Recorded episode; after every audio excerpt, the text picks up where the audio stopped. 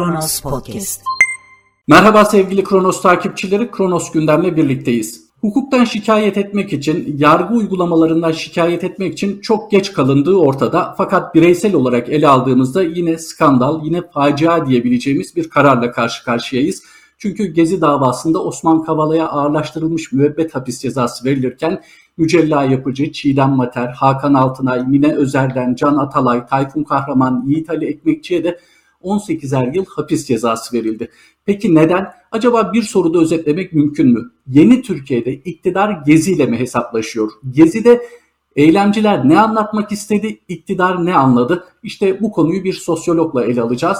Sayın Ferhat Kentel bizimle. Sayın Kentel hoş geldiniz. Hoş bulduk. Sayın Kentel karar ortada ve sanırım hukuktan şikayet etmek için çok geç kalındı yargısına katılırsınız. E, çünkü sizin de sosyal medyadaki tepkilerinize baktığımda bunu doğrular mahiyette bir fikir oluştu bende. Önce şuradan başlayalım. Bu karar beklenmeyen bir karar mıydı? Yani evet bir skandaldır belki yargı adına ama e, kamunun özellikle de muhalif düşüncedeki insanların beklemediği bir karar değildi sanırım. Ne dersiniz? İnsanların içinde böyle bir şey bekleniyordu. Yani Türkiye'de yargının düştüğü hale baktığınız zaman giderek kar topu gibi büyüyen bir pervasızlık mı diyeyim, izansızlık ya da bir sürü artık sıfat bulabilirsiniz. Uzun zamandır böyle bir şey var. Dolayısıyla yani aniden bir gökyüzünden bir ilahi bir kuvvet geldi de her şey düzelecek diye bir şey beklemek bence çok doğru değildi.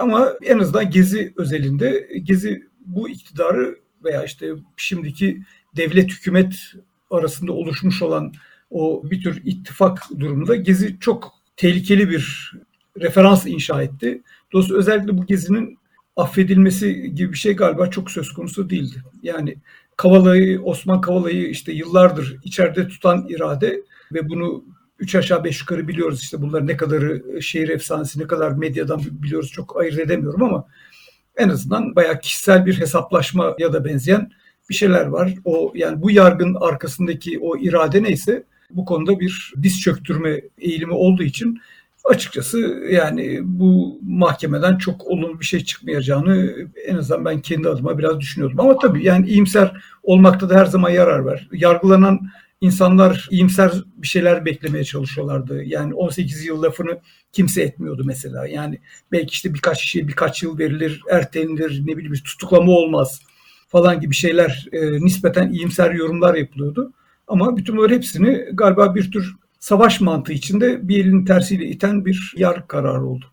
Peki savaş mantığından hareket edecek olursak 2013'e dönelim. 2013 Haziranı itibarıyla belki hatırlamayanlar olabilir yahut da yaşı daha genç olanlara e, belirtmek lazım ne olduğunu. Siz Gezi'den ne hatırlıyorsunuz? Ben bir cümleyle özetleyeyim. Eylemciler Taksim Gezi Parkı'nın betonlaşmamasını dolayısıyla şehir rantı üzerinden yeni politikalar üretilmemesini istemişlerdi. Bundan fazla bir talepleri yoktu. Ben mi yanlış hatırlıyorum yoksa iktidar farklı bir okumada mı bulundu Gezi için?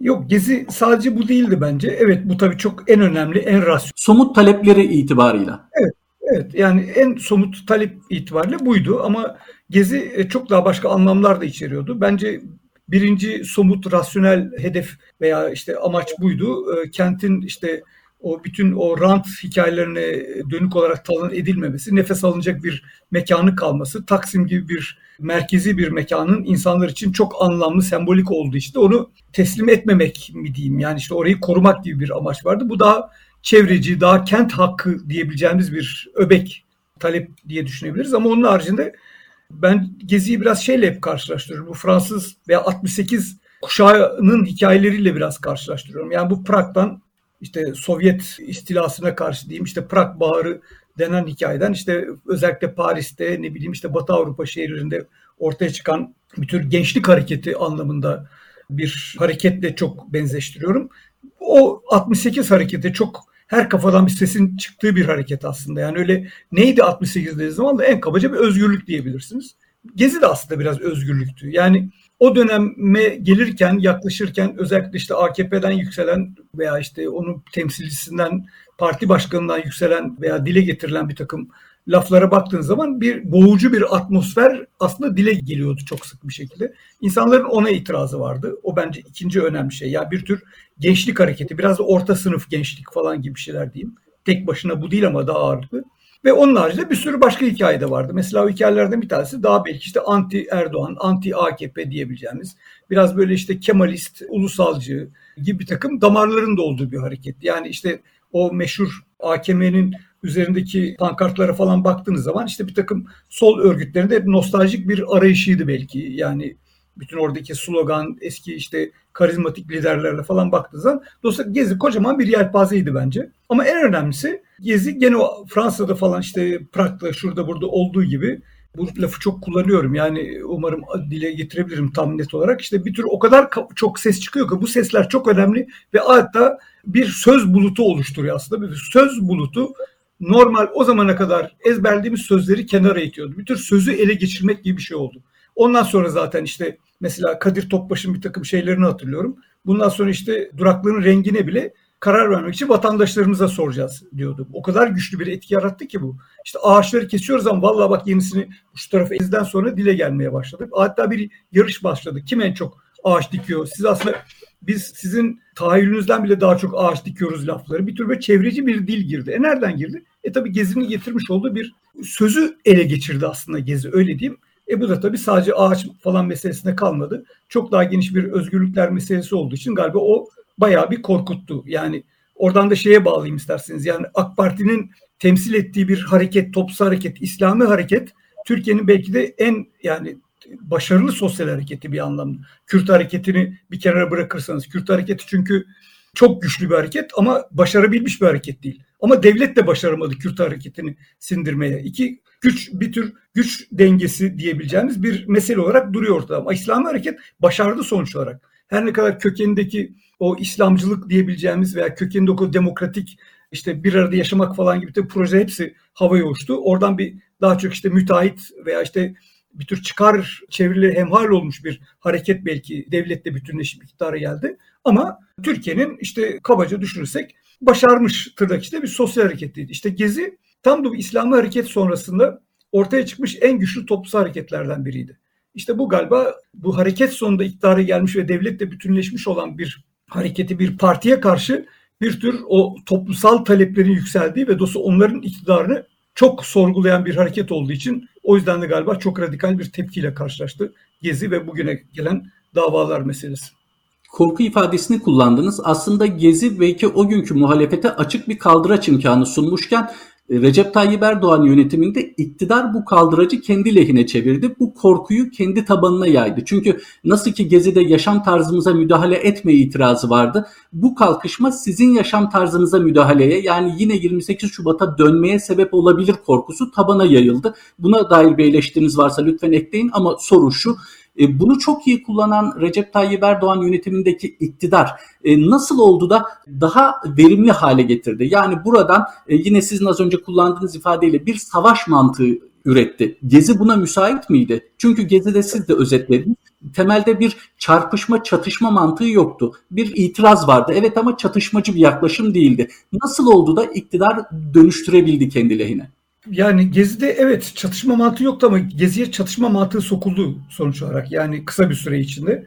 O işte kimler de o işi yapanlar o gerçekten karanlık bir mevzu. O çadırları yakanlar, işte emniyetteki, istihbarattaki, devlet içinde bir takım hangi organlarsa onlar orada bir çatışmanın organizasyonu yapıldı bence ve Gezi'de o kadar çok heterojen bir yapı ki tabii ki işte bu şiddete şiddetle cevap veren bir kitle hızla oluştu. Dolayısıyla o anda itibaren biz şeyi göz ardı etmeye başladık. O ilk temeldeki özgürlük taleplerinden ziyade daha çatışan işte Molotov kokteylleri, işte bilmem siperler, işte daha bir barikatlar, işte tomalarla savaşan falan o görüntüler bir anda AKP'nin inanılmaz çok işine geldi. Yani işte görüyorsunuz bu işte çatışmacı e, bir işte terörist, anarşist, bütün her türlü lafı kullanabilirsiniz.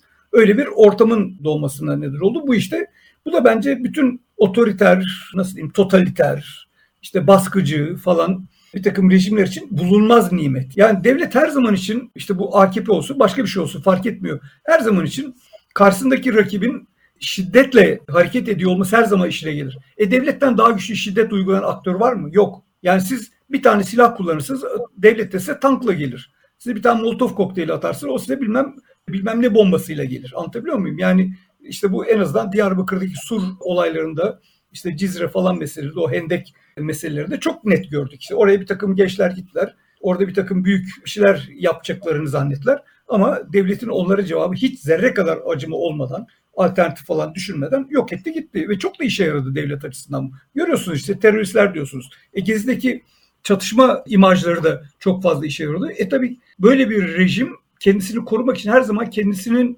ne destekleyecek sadık bir kitleye ihtiyacı var. Bir tür cemaatleşmiş bir kitleye ihtiyaç var.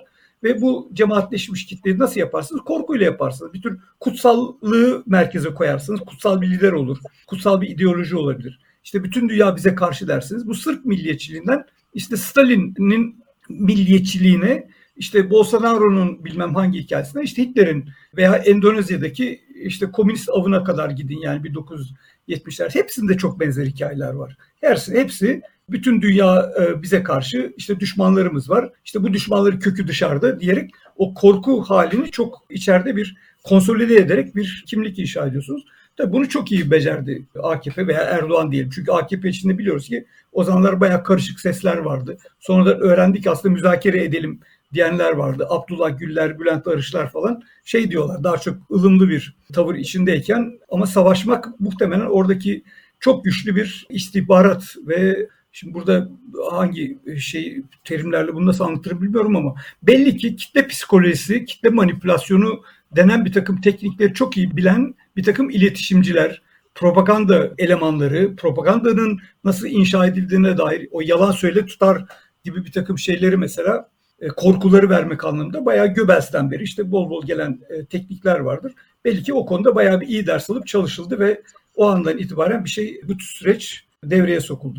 Üzücü olansa daha demokratik ve daha özgürlükçü bir yol izleyeceğini söyleyen partinin iktidarı süresince oldu bu. Akabinde de zaten bir makas değişikliği kesinlikle yaşandı. İsimlere bakarsak Sayın Kentel, Osman Kavala bir iş insanı, bir aktivist. Batı medyası aslında bu yargılama sürecinde muhalif kimliğine vurgu yapmaya başladı. Türkiye'de ise yargılamadan önce muhalif kimliği hiç dikkat çekmezdi. Evet bir aktivist olarak bilenler yine Osman Kavala'yı muhalif kimliğiyle bilirdi ama bir siyasetçi gibi popüler bir muhalif değildi daha çok aktivist ve iş insanı yönüyle bilinirdi. Sonra mimar, şehir planlamacısı, gazeteciler var hüküm yiyenler. Bir darbe kalkışmasında gerçekten hüküm yemesi gerekenler listesini kafamızda oluşturursak örtüşüyor mu sizce?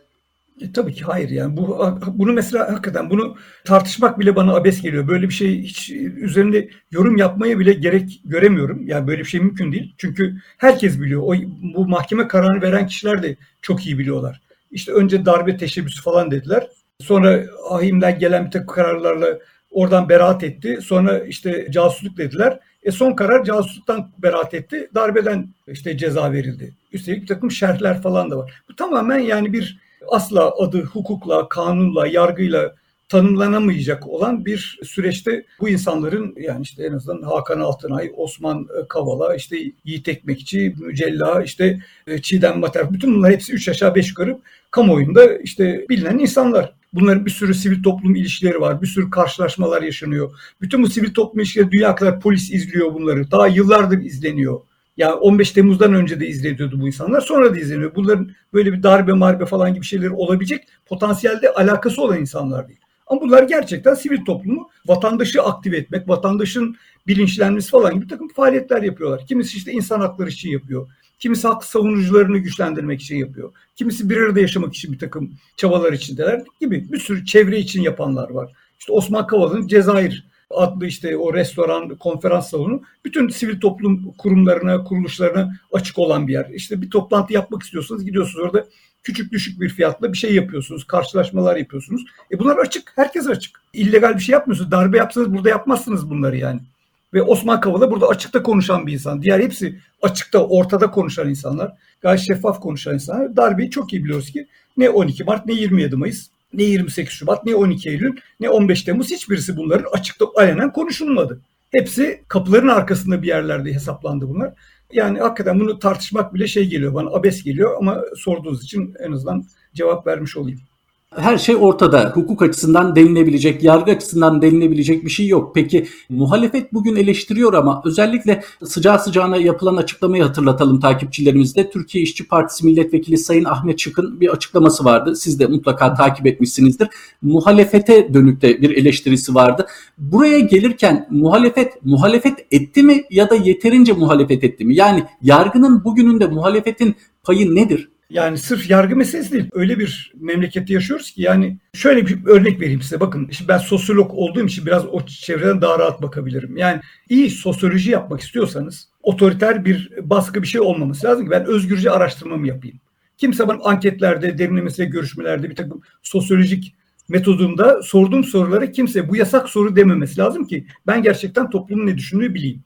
Yani o anlamda demokratik bir çerçevenin olması lazım benim sosyoloji yapabilmem için pardon şunu da tabii biliyoruz mesela işte devletin kontrolündeki bir takım sosyologlar diyeyim. Onlar istedikleri soruları sorabiliyorlar devlet güvenlisinde olduğu için. Devlet bu sayede kimlerin tehlikeli, kimlerin potansiyel taşıdığını, taşımadığını falan bir şeyleri bilebiliyor. İnsanların kökenlerini bilebiliyor. Ben bilmiyorum. Türk Tarih Kurumu'nun başkanı. Biz kimin kim olduğunu biliyoruz demişti. Ben bilmiyorum. Sen nereden biliyorsun? O biliyor. E ben araştırma yaparken bana niye engelliyorsun? Bu müsaade ben de insanların ne düşündüğünü bileyim mesela değil mi? Ben araştırmamı özgürce yapamıyorsam o zaman o memlekette sosyoloji olmaz. Şimdi devam edelim. Bu sosyolojiyi yapmak için, iyi sosyoloji yapmak için ya da toplumun düşünce öğretmesi için benim kendi kendime bir sosyoloji yapıyor olmanın hiçbir anlamı yok. Ben bu bilgiyi bu topluma paylaşmak için yapıyorum. Toplumluk beraber konuşayım diye yapıyorum. Toplumun bu tür bir sesleri açık olması lazım. Toplumun bu kanalları açık olması lazım. Yani medya gibi, gazeteler gibi şeffaf bir iletişimin olması lazım. Aynı zamanda demokrasi, demokrasiye ihtiyacım var. Konuşabilmek için, düşünebilmek için. Ama aynı zamanda demokrasi kendi kendine olmuyor. Üç tane beş tane tepedeki adamın bahşetmesiyle olan bir şey değil. O demokrasinin olması için sosyal hareketlere ihtiyaç var. Yani sosyal hareketler, talep eden hareketler olması lazım ki demokrasi olsun. Ve bunun devam edin. İşte sosyoloji, sosyal hareketler, demokrasi arasında üçlü bir sacayan bir, her biri birbirini besliyor. Şimdi bunun içinde muhalefet düşünelim. Eğer bir tarafı çok sıkışıksa diğer kanallar rahat rahat yürümüyor.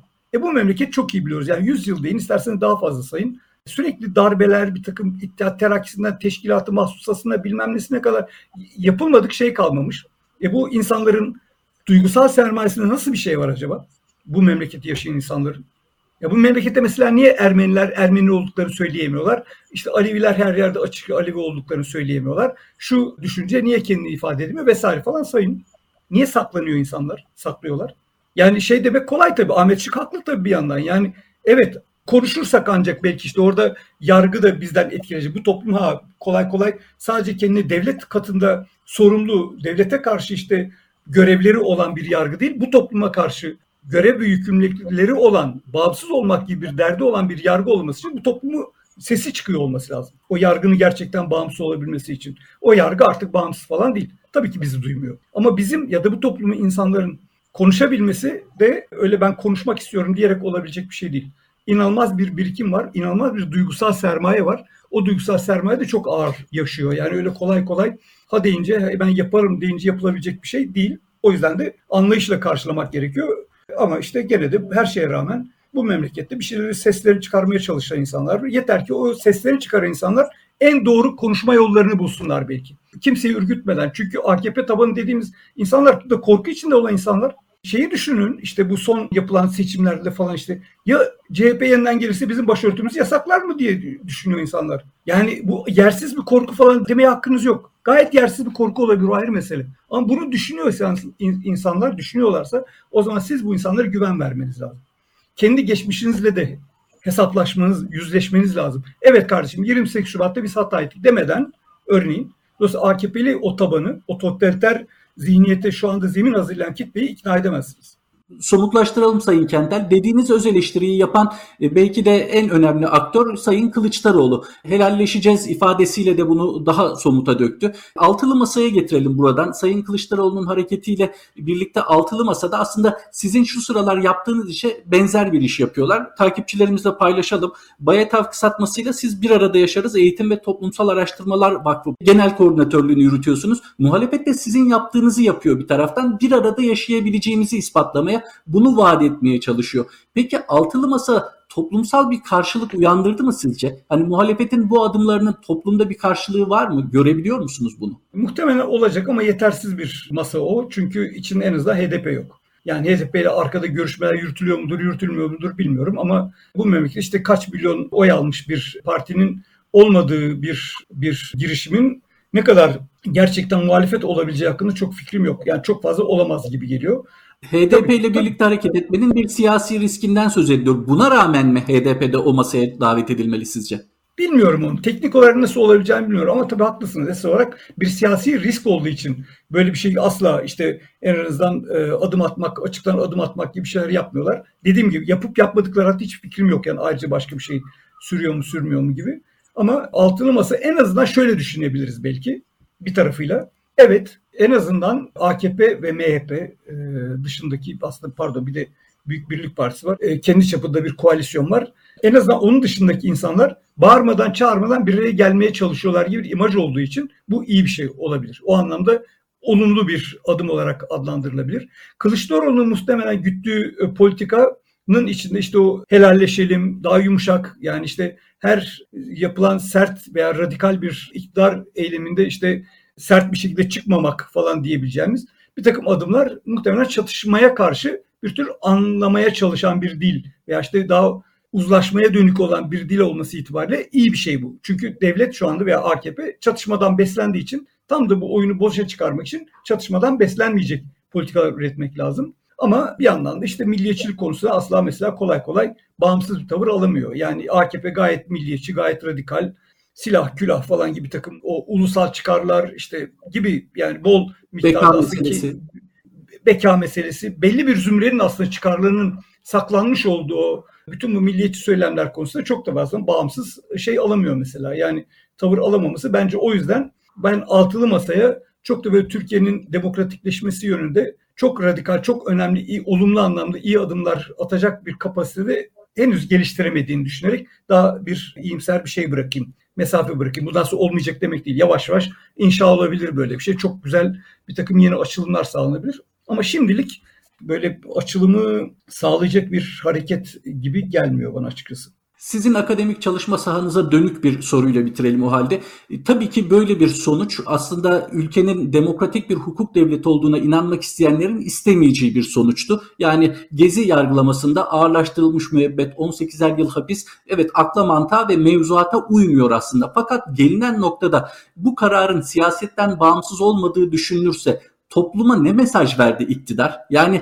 e, bir dahaki seçime güvenmeyin ya da seçim güvenliği bile risk altında diyebiliyor musunuz bir sosyolog olarak? Yani tabii böyle bir şey ağzımızdan yer alsın ama evet tabii ki böyle bir şey insanın aklından geçiyor. Yani şeyi hatırlayın işte onu kim yaptı o da ayrı hikaye işte de o hani meşhur Haziran seçimleri ve Kasım seçimleri arasındaki 2015. dönemi düşünün. 2015 dönemde işte 2015 işte Haziran'da gayet CHP'nin işte alternatifi çok daha güçlü olduğu bir anda bir şey oldu arada bombalar patladı ve Kasım'da girdik ve manzara değişti. Yani şimdi de buna benzer ve bu çok klasik bir de yani çok klasik. Yani işte her zaman böyle şeyler her yerde yapılmış bütün dünyanın her yerinde ve genellikle ne yazık ki hep işliyor bu politika. Çünkü bir şey sert, radikal, şiddet içeren falan böyle bir şeyler yaptığınız zaman birileri çok korkuyor. Korktuğunuz zaman da o zaman tamam diyorsunuz. Yani bir yere kapanıyorsunuz. Bu çok aşırı korkarsanız gidersiniz öteki düşmanınızın kapısına girip ben ettim sen etme deyip onun içine girersiniz. O onun içinde kendinizi güvende hissedersiniz. Oraya giremeyecek durumdasınız. Bulunduğunuz yerde eğer radikalleşirseniz siz de o zaman gene işte o merkezi güçler tarafından işte bütün o manipülasyonu, işte asimilasyonu, devletin otoritesi kullanan güçler tarafından mükemmel bir düşman haline gelirsiniz. Dolayısıyla karşı açılacak olan her türlü savaş en basitinden çok daha komplike olana kadar o kitlenin daha totaliter bir yapının kurulması için çok daha elverişli bir zemin oluşturur. Bu da şey tabii Türkiye çok özgü şeyler bunlar bir tarafıyla bir yandan çok genel. Yani yaşadığımız dönem zaten dünya çapında yaşadığımız dönem çok güvensiz bir zaman. Covid, korona bilmem ne bir şeylerden geçmişiz. İşte Ukrayna-Rusya savaşı, işte güneyimizdeki işte Suriye'nin Erbil vesaire bütün o Güney Kürdistan, işte Bağdat bütün bu şeylere baktı. Afganistan'daki krizler, oradan buraya göç eden insanlar, göçmenlerin, mültecilerin Yunanistan kapılarına geri dönmelerine kadar üstelik Türkiye'deki enflasyonuyla bütün o maddi maddiyat meselesinin yoksulluğun e, yaratmış olduğu sonuçları düşünecek olursanız bütün işte düşünün o insanları ya evlerine bir şey yemek götürmeye, aş götürmeye çalışan insanları düşünün. Hepsi kriz halde bütün bu insanların. Yani küçük bir azınlık dışında herkes önümüzdeki ayın nasıl geleceğini bilmiyor örneğin. Böyle bir güvensizlik altında işte şuna inanmak çok iyi. Yani çok rahatlatıcı bir. Bütün bunların sebebi dış güçler. Muhalefet, Kılıçdaroğlu dediği zaman yeter. Yani çok da fazla öyle Aslında bir, çizdiğiniz e... tablo ekonomik problemlere rağmen güvenlikçi politikaların daha çok öne çıkabileceğini işaret ediyor. Yani yine o klasik dediğiniz ama her zaman işleyen sistem mi devreye girecek? Allah'tan tabii ki bir de şu yani bu totaliter döngünün mantığı ama her zaman işlemiyor. Yani bir kitleyi, bir kesimi çok rahat ikna edebilirsiniz. Sizin gayet sadık bir kitleniz olur. Ne derseniz yapar onlar. Ama onun dışında hele Türkiye'de şu anda işte iyimser olmamızı sağlayacak olan şey bu. Bir taraftan hala inandıramıyorsunuz. Herkesi inandıramıyorsunuz. Mesela işte bizim bu Bayatav olarak yaptığımız bir arada yaşama araştırması yaptık. Evet doğru bu memlekette bol miktarda kutuplaşma var. Hep biz biliyoruz bunu. Alevi, Sünni, işte Türk, Kürt falan işte sayın sayın dindarların kendi arasındaki kutuplaşmalarından tutun her şeye kadar. Ama bir yandan da işte bu hakim söylem, bu ortalıkta dolaşıyor bu laflar. Böyle yüzüyor bu laflar. Ama buna rağmen çok ciddi bir şekilde bu memlekette bir arada yaşama arzusu var aslında ve potansiyeli var. Yani yeter ki şu kabuk söylemi bir kenara itip alttakini görelim ve alttakini görünür kılmaya çalışalım. Alttaki gerçekten iyimser düşünmeye çalışan, başkasının derdini anlamaya çalışan çok sayıda insan var. En azından hatta şöyle söyleyeyim böyle araştırmalarda böyle yüzde vermek çok anlamlı olmayabilir ama yani bu memlekette bir arada yaşamaktan korkmayan, bir arada yaşamayı onu arzu eden insan sayısı bir arada yaşamaktan korkan, başkalarından korkan insanlara kıyasla çok daha fazla. Yani bu araştırmanın bence en önemli sonuçlarından biri buydu. İşte yeter ki burada muhalefet belki bunu öne çıkarmak zorunda. Yani muhalefet işte iktidara karşı bir cephe savaşı falan gibi böyle cepheden işte bir kimlik savaşı vermektense belki o iktidarın altında onun beslendiği insanları belki ikna edecek, onları bir arada yaşamaya ikna edecek bir takım teknikler üretmesi gerekiyor. Umarız bu tespitiniz ülkenin geleceğine yön verenlerin de dikkatinden kaçmaz. Ee, özellikle bir arada yaşamak isteyenlerin çokluğu üzerinden politika üretirler. Çok teşekkür ediyoruz. Eklemek istedikleriniz varsa onları alalım. Yok sağ olun. Çok teşekkür ederim. Sağ olun. İyi çalışmalar diliyoruz hocam. Hoşçakalın. Sağ olun. Size de kolay gelsin. Sağ olun. Sevgili Kronos takipçileri, Kronos gündemde konuğumuz sosyolog ve aynı zamanda Bayetav kısaltmasıyla Bir Arada Yaşarız Eğitim ve Toplumsal Araştırmalar Vakfı Genel Koordinatörü Sayın Terhat Kentel'di hukuki olarak verilen kararın üstüne söylenebilecek bir şey yok. Yani yargı gezi yargılamasında Osman Kavala'ya ki altını çizelim aktivist ve bir iş insanından söz ediyoruz. Muhalif kimliği bu yargılamalarda daha çok öne çıkmış bir isimden bahsediyoruz. Ağırlaştırılmış müebbet hapis cezası bununla birlikte mücella yapıcı gibi isimler ki tamamen kendi mesleki alanlarında bilinen isimler. Yani bir darbe kalkışmasıyla bir arada anılabilecek belki de son isimler tabii ki 15 Temmuz'da olduğu gibi ev hanımlarıyla, öğretmenleriyle de anılabiliyorsa böyle de anılabilir gibi bir cümle kurmak da yerinde olacaktır. Fakat evet hukukun geldiği noktada söylenebilecek fazla da söz yok. Önemli olan bundan sonrası için ne yapılabilir? Umarız yüksek yargıdan, itirazdan döner bu karar ve geziyle bir şekilde toplumsal bir barışma sağlanır. Tekrar Kronos gündemde buluşmak üzere. Hoşçakalın.